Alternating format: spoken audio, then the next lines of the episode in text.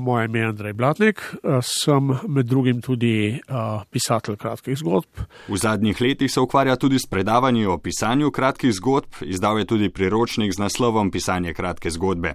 Ta se začne nekam nenavadno, s citatom indijskega pisatelja Narajana: Vse teorije pisanja so na teg. Če človek uh, kaj počne, je dobro, da to počne sicer res nekaj vere, da se pa hkrati zaveda tudi uh, mej te vere.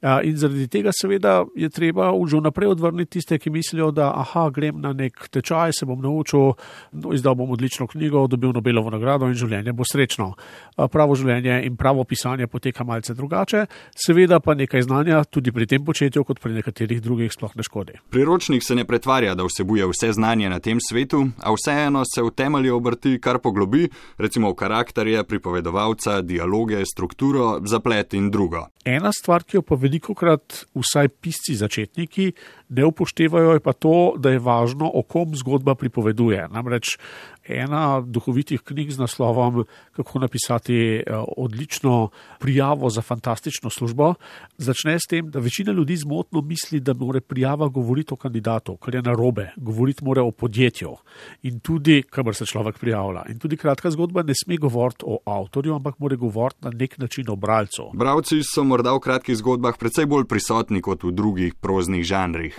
Za razliko od romana, ki je zelo prijazen do uporabnika, ki uporabniku veliko pove, kratka zgodba ponavadi pusti bralcu prazen prostor, da si nekaj domisli ali pa osmisli sam. Andrej Blatnik opozarja na to, da ima veliko novih piscev težave s prevelikim številom oseb, ki nastopajo v zgodbi in so v bistvu le balast, ki zmede bralca.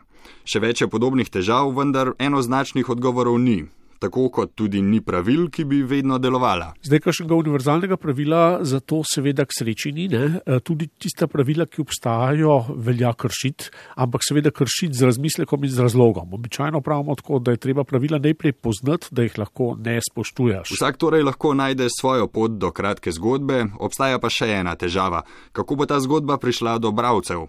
Za trenutek pustimo splet in socialna omrežja, tja se odpravimo pozneje in se osredotočimo na klasično objavljanje. Po podatkih Mednarodne zveze založnikov smo Slovenci drugi na svetu po številu objavljenih knjig na prebivalca. Lahko knjigo objavi praktično skoraj da vsakdo, ki si to želi. Ima pa seveda to drugo neprijetno plat, ki deloma iz te prijetne plati izhaja, namreč, da velika večina teh knjig je popolnoma neopažena. Leta 1991 je šlo v Sloveniji 17 novih romanov, v zadnjih letih jih izide od 120 do 130 in rekel bi, da število romanov, ki dobijo neko javno pozornost, se pa ni zvečalo v tem času, ampak prej nasprotno. Podobno je s kratkimi zgodbami, te so včasih večkrat našle mesto tudi v časopisih in revijah, danes pa so iz tiskanih medijev skoraj povsem izginile.